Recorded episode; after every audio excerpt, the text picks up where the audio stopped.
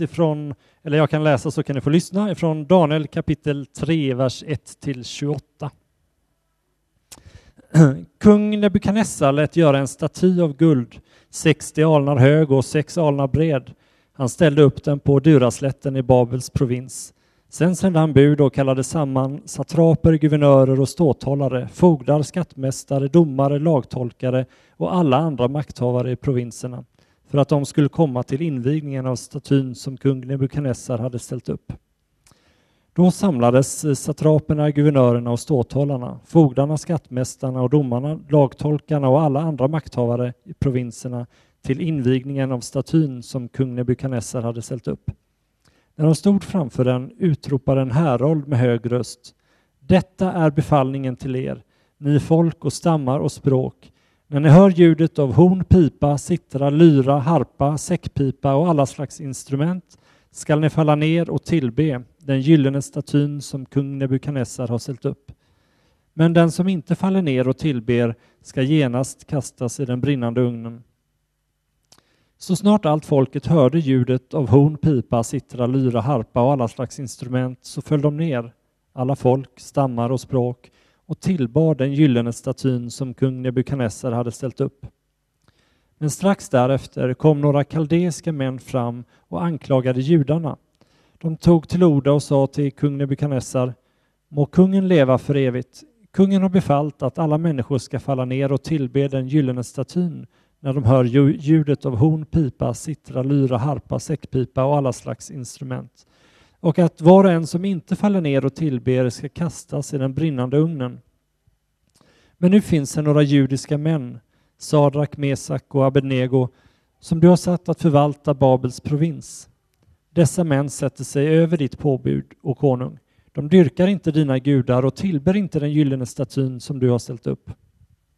Då befallde Nebukadnessar i vrede och raseri att man skulle föra fram Sadrak, Mesak och Abednego.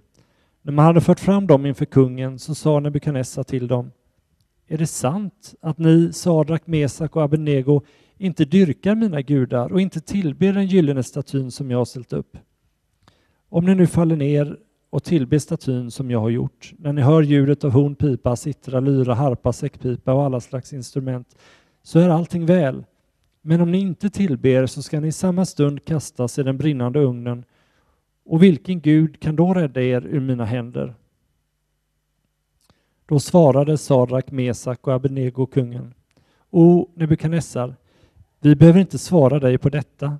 Om det blir så, så är vår Gud som vi dyrkar mäktig att rädda oss ur den brinnande ugnen och ur din hand, o konung. Men om inte, så ska du veta, o konung, att vi ändå inte dyrkar dina gudar och att vi inte tillber guldstatyn som du har ställt upp. Då fylldes Nebukadnessar av vrede mot Sadrak, Mesak och Abednego så att hans ansiktsuttryck förvandlades. Han befallde att man skulle göra ugnen sju gånger hetare än man någonsin sett den vara. Och han befallde några av de starkaste männen i hans här att binda Sadrak, Mesak och Abednego och kasta dem i den brinnande ugnen.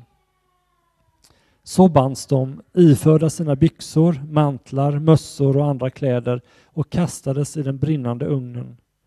Men eftersom kungens befallning var så sträng och ugnen blivit så starkt upphettad blev männen som förde dit Sadrak, Mesak och Abednego själva dödade av eldslågorna. Och de tre männen, Sadrak, Mesak och Abednego, föll bundna ner i den brinnande ugnen. Då blev kung Nebukadnessar förskräckt. Han reste sig hastigt och frågade sina rådsherrar, var det inte tre män vi band och kastade elden? Det svarade kungen, jo visst, och konung. Då sa han, men nu ser jag fyra män gå lösa och lediga inne i elden, helt oskadda, och den fjärde ser ut som en gudason. Sen gick Nebukadnessar fram till den brinnande ugnens öppning och ropade Sadrak, Mesak och Abednego, ni den högste gudens tjänare, kom ut, kom hit.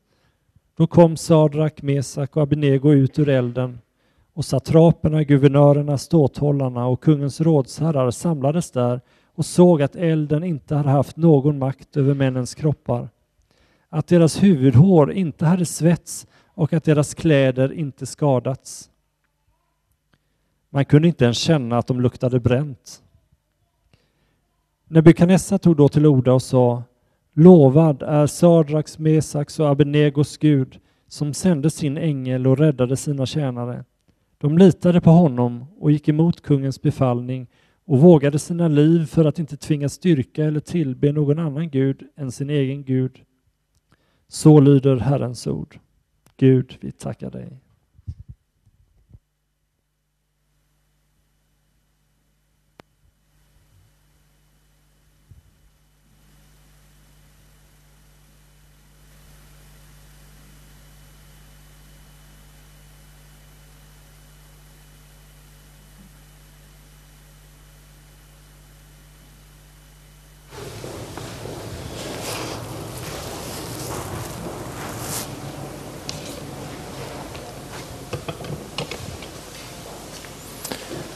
Viktigt att få koll på läget.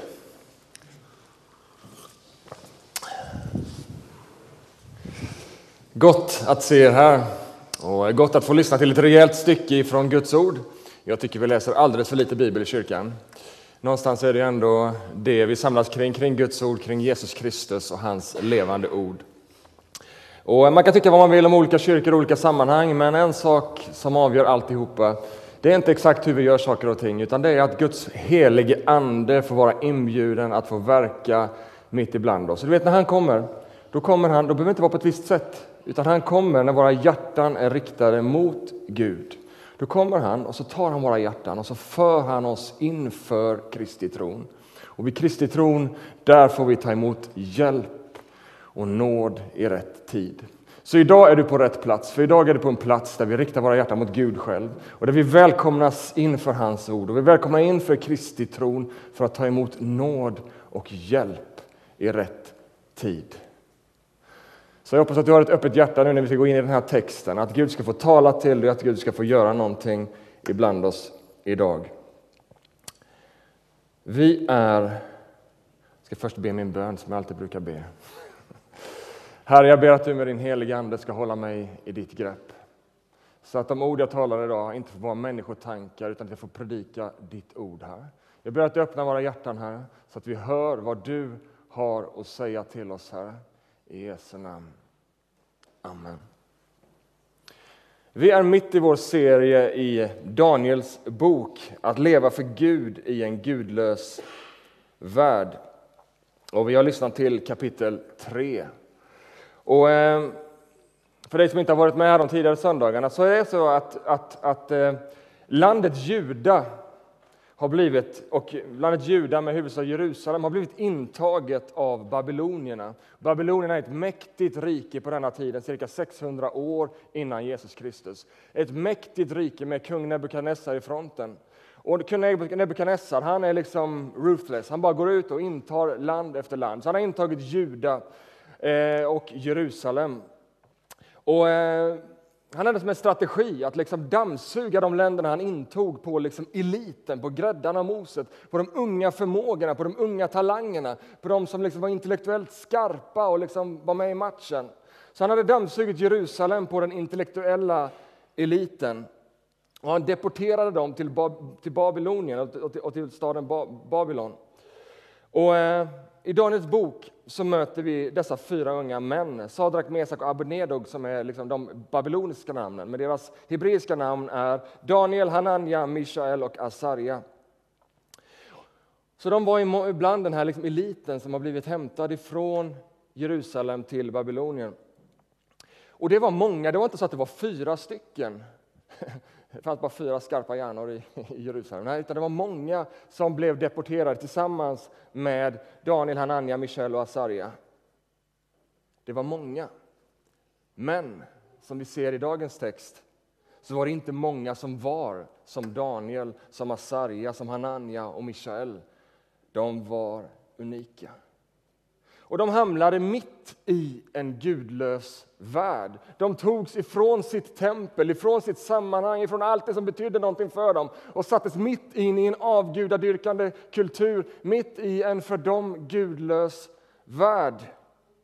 Men de hade bestämt sig att inte låta gudlösheten få tag om deras hjärtan. De hade bestämt sig att inte låta detta påverka dem, ta över dem eller förlama dem.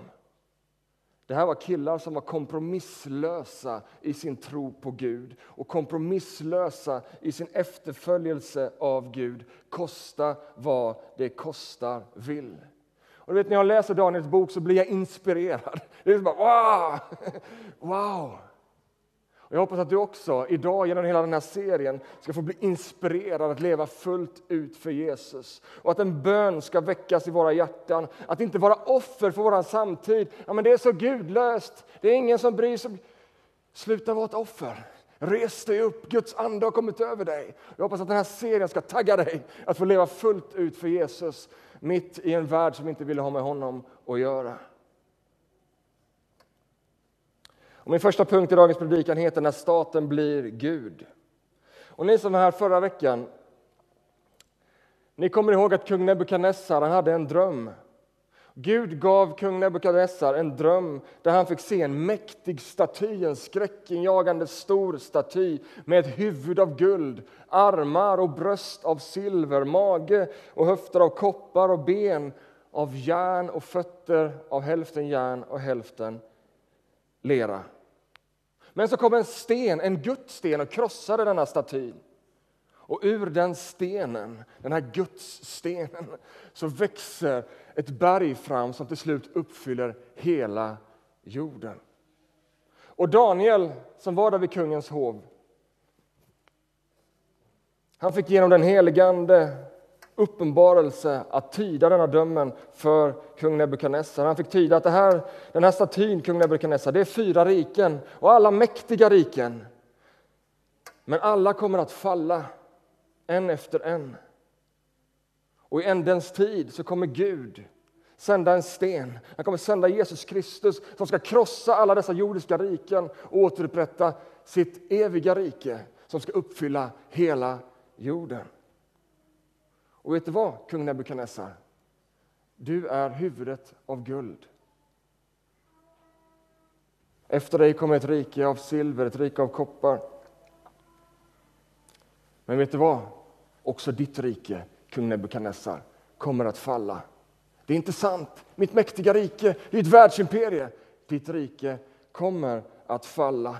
Faktum är att alla riken efter dig, alla jordiska riken, kommer att falla en efter en tills Gud upprättar sitt rike som aldrig ska falla, hans ostoppbara, eviga, fullkomliga rike. Och när vi kommer till dagens text så är ironin påtaglig. Ett huvud av guld, det är du Nebukadnessar. Vad gör han? Han nöjer sig inte med ett huvud av guld. Han bygger en staty. Kanske såg den ut precis som i drömmen som han har haft. Inte helt osannolikt.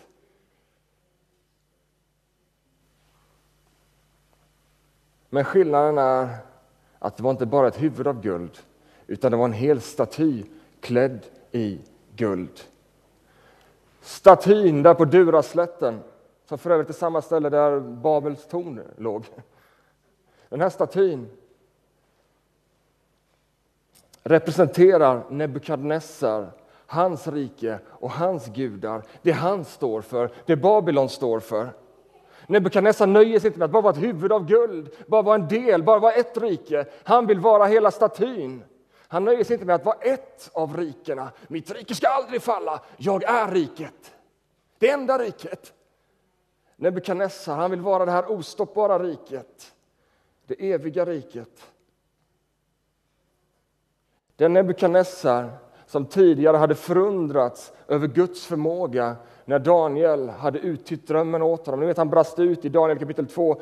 O, Daniel, er Gud är i sanning en gudar över andra gudar, en herre över andra kungar. Men antingen så var han ganska snabb på att glömma eller så accepterade han inte uttydningen av drömmen. Han accepterade inte att det fanns en Gud som rådde över allt. Nej, därför att han ville att Nebukadnessar, att Babylon, att hans rike skulle vara som Gud i världen.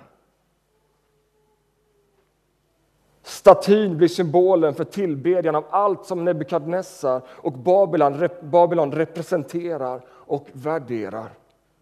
Statyn som står där representerar det som ska tillbes, det som alla ska böja sig för, det som Babylon står för och representerar. Jag vet inte hur du tänker, men man kan tänka en staty på en äng som folk ska falla ner och tillbe. Det kan kännas liksom som en saga från en svunnen tid, som gammal vidskeplighet som vi upplysta stater och människor har kommit ganska långt ifrån och lagt bakom oss. Men faktum är att jag tror att varje samtid och varje kultur som inte har den sanne guden i centrum söker själva att vara Gud i sin egen värld. Varje samtid, varje kultur söker att sätta sina värderingar på tronen. Sina åsikter, sina ideal, sina tankar. Fall ner och tillbe.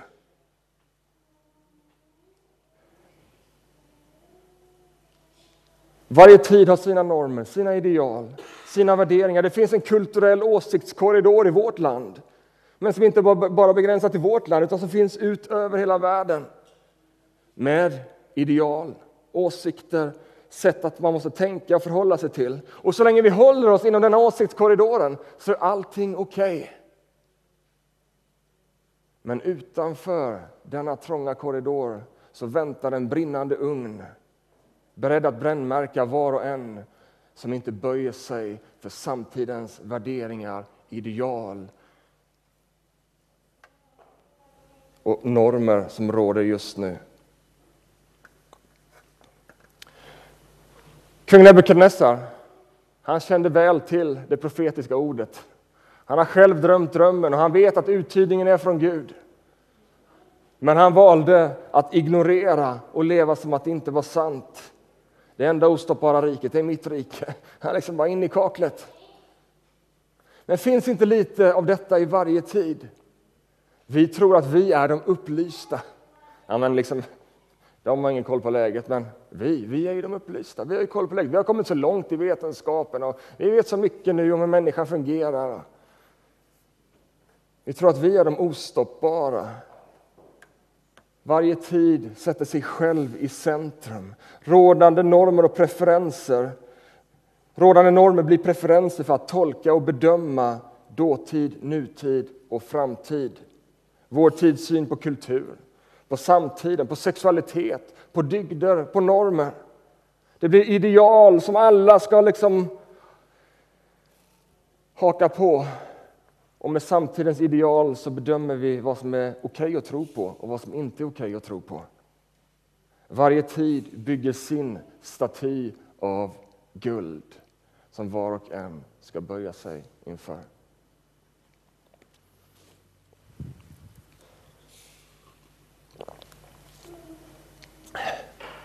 Jag är inte förkyld, jag känner min röst rosslar och det är inte att jag rökt en stor fet cigarr heller.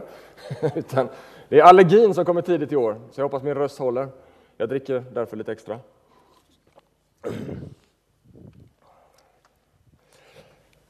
Kapitel 3, vers 3. Då samlades satraperna, guvernörerna och ståthållarna, fogdarna, skattmästarna, domarna, lagtolkarna och alla andra makthavare i provinserna till invigningen av den staty som kung Nebukadnessar hade ställt upp. När de stod framför den utropade den härold med hög röst detta är befallningen till er, ni folk och stammar och språk.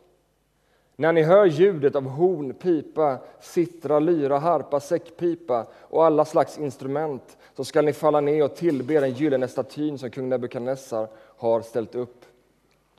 Men den som inte faller ner och tillber ska genast kastas i den brinnande ugnen. Det är lite roligt, satraperna, guvernörerna, fogdarna, makthavarna, ja alla som har någonting att säga till om ifrån alla provinserna. Ja, till och med ifrån alla folk och språk och stammar. Så han hade samlat ihop allihopa, alla som hade någonting att säga till om i hela liksom, det rike han styrde över som stäckte, stäckte stora delar av världen. De hade han samlat här på Duraslätten. Böj er och tillbe mitt rike eller så väntar ugnen. Det gäller alla. Det gäller alla. Ordet ska gå ut till alla. Alla behöver böja sig inför riket. Staten blir Gud. Vi ska böja oss inför våra ideal. Jag tror att fienden har alltid haft en global strategi. Det är tydligt i texten. Ni alla, folk, språk och stammar. Ordet ska ut. Tillbe statyn. Och idag så lever vi i en tid där saker sprids betydligt snabbare än på kung Nebukadnessars tid. Vi har liksom skapat en hel värld där vi kan liksom informera hela världen hela tiden. Jag kan bara uppdatera, bara trycka på min telefon, helt plötsligt bara syns det ut över hela världen i sociala medier och på olika sätt. Värderingar och normer sprids genom film, media, olika sätt, litteratur, musik. Fienden har en global strategi. Alla lyssna. Jag tror att det finns en uppmuntran. När jag läser Daniels bok jag tror att det finns en uppmuntran. För det finns en inspiration till Kristi kyrka att faktiskt ta plats i kulturen. Att våga stå upp, att inte gömma oss. Jag talade om det förra veckan. Kom ut ur era grottor. Att inte gömma oss utan våga stå upp. Fienden har sin strategi för att nå ut med sina budskap. Men vet du vad, jag tror att det är dags för Kristi kyrka att ställa sig upp på sina fötter, ut ur grottorna, upp på barrikaderna, skapa musik, måla tavlor, skriv böcker, gör filmer som inte har böjt sig för den gyllene statyn, som inte har böjt sig för rådande normer och gällande liksom ideal, utan som vågar stå upp för det som vi tror är heligt, för det som vi tror är rätt, för det som vi tror är sant, för det som vi tror är svaret för varje människa. Inte bara kultur för kyrkans värld, utan kultur för världens skull. Kanske finns en uppmuntran till någon här inne. Att Gud har kallat dig inom kulturen på olika sätt. Jag vill säga till dig, ta plats. Herrens ande är över dig, Herrens ande är med dig och vill låta dig få, få inflytande. Ni vet Daniel och hans vänner, de satt inte ute i ett hörn. De var mitt i händelsernas centrum, de var vid hovet inför den mäktigaste kejsaren. Där tjänade de. Men de tjänade inte först och främst kejsaren, de tjänade sin Gud. Vi behöver se att där vi är satta, där är vi goda tjänare. Även om vi har ogudaktiga herrar. Men vi tjänar först och främst våran Gud och vi ger först och främst våran gåva till Gud och då kan Gud ta den och göra någonting vackert och fantastiskt med det så att världen kan få påverkas och få se att det finns en Gud som lever. När musiken spelades så skulle de alla böja sig inför den gyllene statyn. Jag kan inte låta bli att tänka, vad är det för musik som spelas i vår tid?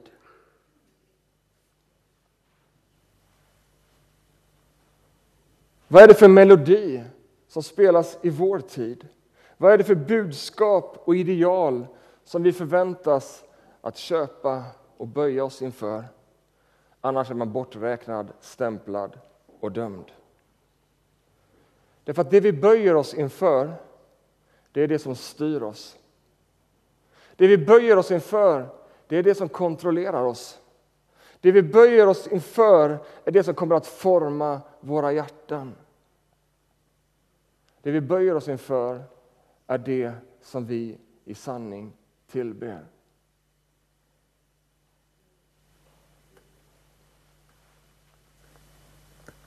När man läser texten så verkar det som att det bara var tre som stod kvar på Duraslätten när musiken började spela. Var är alla andra från Juda? Var är alla andra från Jerusalem? Var är alla andra som vuxit upp med en tro på en levande Gud? Ja, Daniel han var inte på plats, han var troligtvis vid hovet där han tjänade. Men det var mängder människor samlade. Tre kvar som inte hade böjt sina knän för denna tidens rike. När vi lever i exil, vi lever också i exil. Vi är skapade för ett annat rike, för Guds rike. När man lever i exil så är det lätt att bli formad av den nya världens ideal, budskap och idéer. Och det kan ske på lite olika sätt, det kan ske omedvetet över tid. Man märker inte att man liksom successivt har förändrat sitt sätt att tänka och leva. Successivt så börjar man göra som alla andra. Och när du börjar göra som alla andra, då börjar du ganska snart tänka som alla andra. Och det sker nästan på automatik. Musiken börjar spela, man märker inte ens att man är böjd. Men det kan också vara ett medvetet val. Jag tänker att det kan vara ganska sannolikt för ganska många i Daniels bok. Efter ett tag så verkar det nya riket starkare, mäktigare, häftigare, mer attraktivt. Tänk er själva. Juda hade blivit intaget av Babylonien. Jerusalem blivit intaget av Nebukadnessar. Han var en mäktig kung. Riket som sträckte sig över hela världen. Så Babylon verkar, verkar liksom, Babylon är ju det, det, som är inne nu. Babylon är ju grejen. Babylon är ju liksom inte bara mäktigare än judar. Det verkar som att kung Nebukadnessar är mäktigare än Gud själv. Han regerar hela världen. Men Gud, var är du? Har du tänkt så någon gång? Det verkar ju som alla andra mänskliga riken. De har bara, liksom, bara så mycket inflytande. Men Gud, var är du? Vi är ju deporterade här i Babylon. Och Gud räddade oss inte. Gud, var är du? Hur ofta tvivlar inte vi på Guds löften och Guds makt när bönesvaret uteblir? Gud, var är du? Nej, jag ger upp det här. Hur ofta tvivlar inte du när världens musik ljuder högre i ditt liv än lovsången till Gud? De flesta på Duraslätten i Babylon de verkar ha gett upp för samtidens gudar och ideal, omedvetet eller medvetet, så fort musiken spelar. Det är liksom roligt i texten, det står liksom, så fort musiken spelar, genast, direkt, så föll alla ner på sina knän och tillbad. Som liksom en bibelkommentar jag läste, det är som att de var mekaniska robotar. Det var... Ibland tänker vi att det är vi i kyrkan, ja men det är liksom, det är bara liksom, ni bara följer massa, liksom, som att det är mekanik, det är liksom inget, nej. Vad den här texten visar, det är precis tvärtom. Den här världens ande är som liksom bara har människor i ett grepp. Man bara liksom, så fort musiken börjar spelas bara faller man ner. Det är vi som tillhör Kristus som i sanning är fria att välja att tillbe, att välja att stå kvar. Alla andra böjde sig, vem var det som var fri? Det var ju de som stod kvar. Ja, men ni i kyrkan ni är bundna vid en massa olika ni måste, regler och paragrafer ni måste följa. Nej, vi är fria att välja ett liv som vi tror är till blomstrande för oss, som vi tror är till välsignelse för oss. Vilken väckelsepredikan, jag känner en så här ödesmättad stämning, men skyll inte på mig, skyll på Daniel kapitel 3. Det är liksom en brinnande ugn och liksom det är böj dig eller brinn. Det kan inte bli på ett annat sätt. Och ibland kanske vi behöver den tonen. Låta Guds helighet, allvar få röra vid vårt hjärta. Så fort musiken spelade föll de på sina knän, alla följde strömmen. Men så möter vi de här inspirerande herrarna.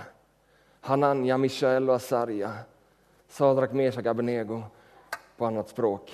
De kände sin Gud. De hade inte glömt Guds ord. Ni vet Andra Mosebok kapitel 20. Du ska inte ha några andra gudar vid sidan av mig.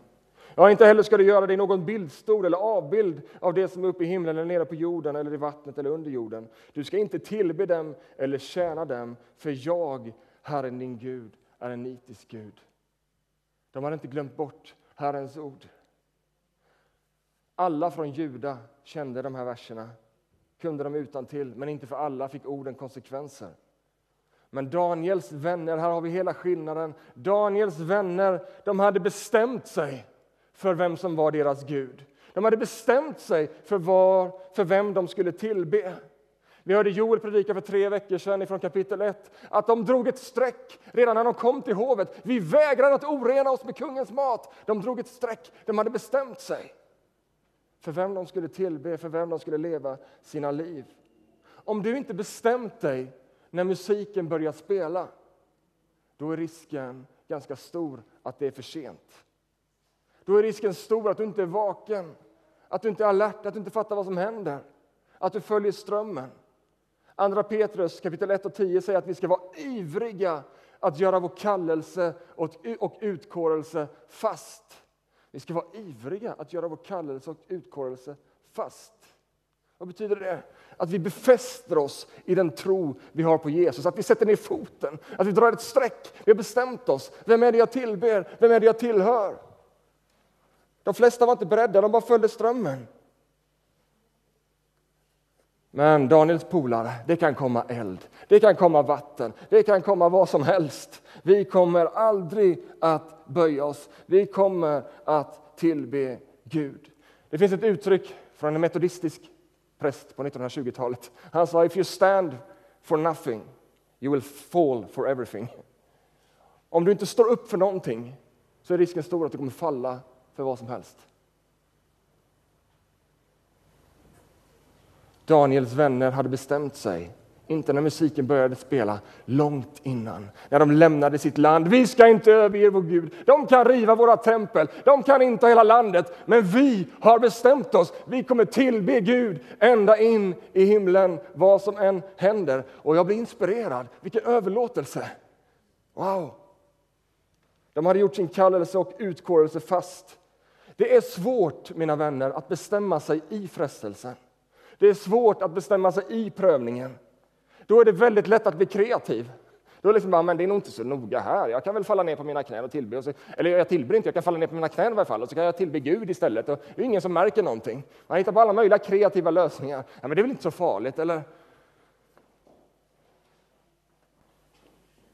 Men om du har bestämt dig, om du vet för vem du lever, om du vet, för vem, om du vet vem du vill tillbe och ära med ditt liv, då är det mycket lättare att säga nej till saker som vill leda ditt hjärta vilse. Om du har bestämt dig, då är det lättare att säga nej till prins eller prinsessa Charmig som vill göra saker med dig, men som inte alls vill ha med Gud att göra. Om du har bestämt dig, då är det lättare att säga nej till snabba cash som kanske ligger lite suspekt utanför, men du kan väl fuska lite här med skatten. Om du har bestämt dig, då är det färdigt. Då finns det inte ens liksom en reflektion i det. Ja, men kanske det är väl inte så farligt. Om du har bestämt dig, då är det lättare att ställa sig upp och reagera mot orättfärdigheten och stå upp för sanningen. Om du har bestämt dig, då är det så mycket lättare att stå kvar på dina fötter när musiken börjar spela och inte göra som alla andra. Men jag... Vad är det för liv? Som en mekanisk robot som bara följer alla andra. Vet du vad? Gud har kallat dig till ett annat liv, till ett högre liv, till hans syften. Att stå upp för det som betyder någonting. Att få leva för honom i en ogudaktig värld. Och vi har sådana briljanta exempel här i Daniel och hans vänner. Folkhavet de låg där med huvudena i marken framför en gyllene staty. Alla utom Hananja, Mishael och Asarja som gick rakryggat mot strömmen. Då fanns det inhemska ledare som blev irriterade. Varför har du gett dem här? För de hade fått fina positioner. De var nämligen eh, satta att råda över huvudstaden, de här tre herrarna. Över den regionen, över provinsen. Och de var irriterade. Varför har du satt de här, liksom, eh, judarna, för att göra det här? Så de direkt när de såg att de här killarna stod upp så sprang de till kung Nebukadnessar och säger att det är dessa män som du har satt att förvalta över provinsen Babel dessa män sätter sig över ditt påbud, o konung. Så smörigt, o konung. De dyrkar inte dina gudar och tillber inte den gyllene statyn som du har ställt upp. Och Nebukadnessar, han blir rasande. Vilka är detta? Han kallar till sig de här, Hanania, Mishael och Asarja. Och han säger, ni får en chans till på er. Jag vet ju att ni, liksom, ni är kompetenta människor, jag ger en chans till. Jag låter musiken spela en gång till. Och ni faller ner och tillber mina gudar och tillber min staty. Men om ni inte tillber så ska jag kasta er i den brinnande ugnen. Och så säger han Nebukadnessar, och vilken Gud kan då rädda er ur mina händer? Underförstått ingen såklart. Jag är ju Nebukadnessar. Lyssna nu på detta svar ifrån dessa herrar. Det här är ett svar från någon som har gjort sin utkårelse och sin kallelse fast. O Nebukadnessar, vi behöver inte svara dig på detta. Vilken Gud ska rädda er? Nebukadnessar, det har inte du med att göra. Vi behöver inte svara dig. Om det blir så att vår Gud som vi dyrkar om, vi, om det blir så, så är vår Gud som vi dyrkar mäktig att rädda oss ur den brinnande ugnen och ur din hand, o konung. Men om inte, så ska du veta att vi ändå inte kommer att dyrka dina gudar och tillbe den guldstatyn som du har satt upp. Det hade varit så lätt att bara låtsas lite, falla ner på sina knän och bara liksom låtsas lite, spela ett spel. Men kompromiss fanns inte i deras värld. Gud är en helig Gud. Vi kommer aldrig böja oss för någon annan. Och så kommer klimax i deras ord till kungen. Om det blir så att du kastar oss i ugnen, då tror vi på en Gud som är mäktig att rädda oss. Men vet ni vad? Även om inte han räddar oss så kommer vi ändå inte böja oss. Då tar vi hellre ugnens lågor. Wow! De tvekade inte på Guds förmåga att kunna rädda dem. De till och med uttryckte ja, men det kan bli så att Gud kommer att rädda oss. Men än starkare än så. Deras tro var inte beroende av bönesvar just i den stunden. De litade fullt ut på, på Gud. Vad som än händer så litade de på Gud. Det är en sån här kompromisslös, oövervinnlig tro. Den går inte att stoppa. Gud kan, men även om han inte griper in så böjer vi oss ändå inte. Hananja, Mishael och Asarja trodde på Guds förmåga men de litade också på hans timing. De trodde på hans förmåga, han kan. Men även om det inte blir så, de litade också på hans timing att bestämma över deras liv. Gud kan som den lättaste saken i världen rädda oss från den brinnande ugnen. Men vi litar samtidigt på att om han inte gör det så är det hans timing för oss att komma hem till pappa i himlen. Wow. En hållbar kristen tro är övertygad om Guds förmåga och Guds makt men också övertygad om Guds timing, om Guds suveränitet. Vi fortsätter att sträcka oss efter mirakler och helande även om ingen vi ber för blir frisk.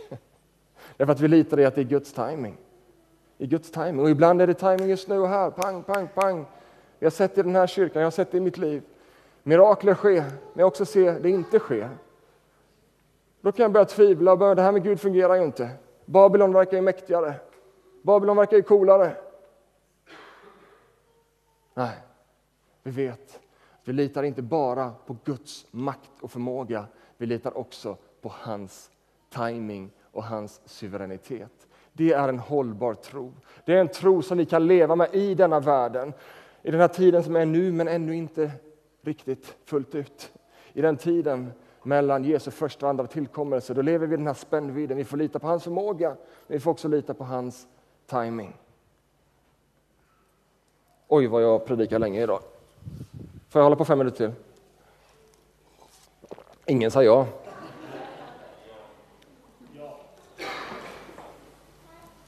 Bra.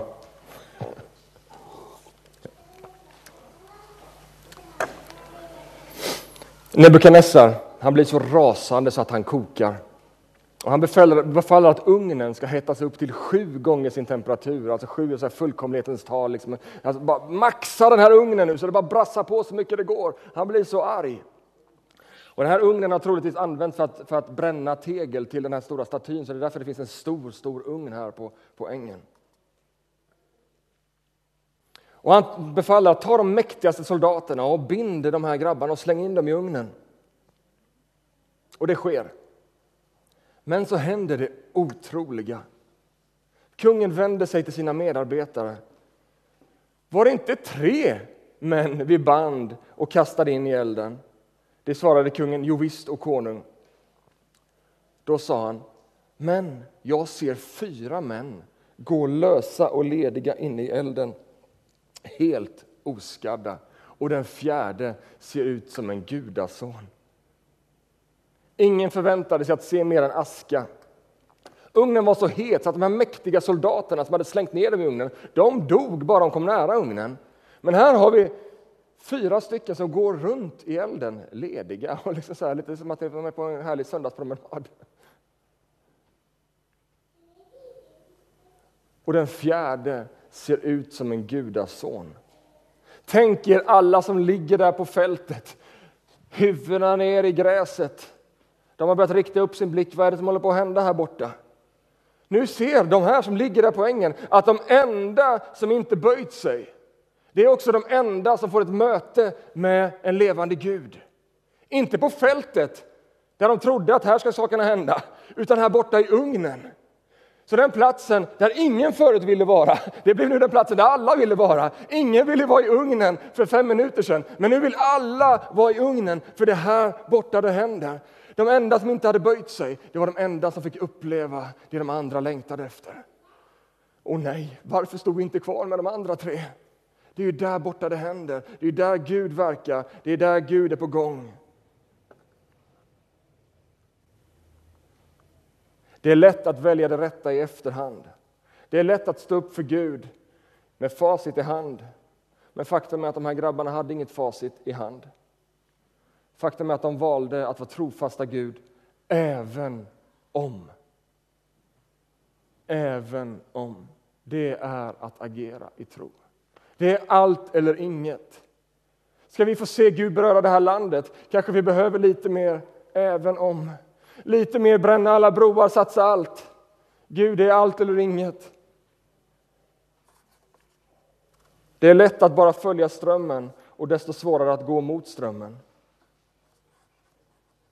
Om du inte gjort din utkårelse fast innan det hettar till så är risken stor att du befinner dig där på knä med alla andra. Medan härligheten och kraften och ljuvligheten finns där borta. Tro är att stå när andra böjer sig. Tro att fortsätta bygga på arken när alla andra hånar dig. Tro att lita på Guds löften och gå ut på vattnet när alla andra sitter kvar i båten. Tro att bekänna Jesus som Herre i en värld som vill bekänna sig själv som Herre. Tro är att investera i Guds rike när alla andra säger investera i ditt rike. Tro är att lita och välja Guds rike och Guds väg även om det kostar på. Även om bönesvaret skulle dröja. Även om Gud inte räddar mig just nu, här och punkt nu när jag vill. Så står vi ändå i tro. Står fasta i bönen och följer Gud och litar på hans timing. Har ni tänkt på att Gud räddade dem inte i ugnen? Eller från ugnen? Gud var med dem i ugnen. Och det blev deras räddning. Gud räddade dem inte ifrån ugnen. Han var med dem i ugnen och det blev deras räddning.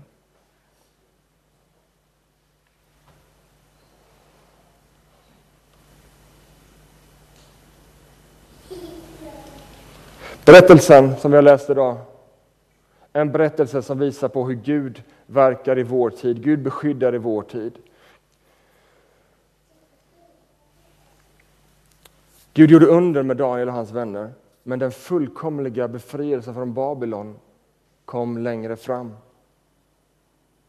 Oavsett hur det ser ut på denna sidan evigheten, oavsett om vi råkar ut för även om några gånger, så vet vi att Gudasonen en dag ska komma och hämta oss. Och I Matteus 13 säger Jesus själv att när han kommer igen så ska han komma och rädda oss från den brinnande ugnen. Så han tar själv bilden ifrån Daniels bok och rädda oss till en evighet med honom.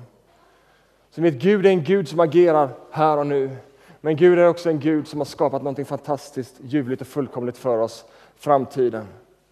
Men vi lever inte bara för det som ska komma. Vi lever också i tron på Gud som verkar här och nu. Han är med oss.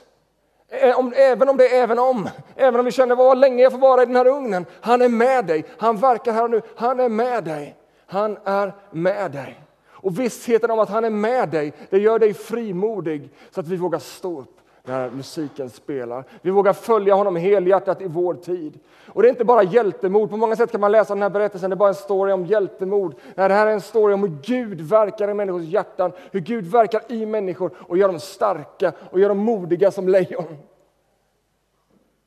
När helige Ande kom över församlingen på, på, på, på pingstdagen så var de livrädda. De var inlåsta. Men Guds kraft kom över dem. De blev modiga som lejon och de vågade riskera allt och gå ut och leva för Gud. Och vet du vad? Samma ande är utgjuten över dig. Och du och jag sänds ut att följa honom och att stå upp för honom i vår värld. Amen.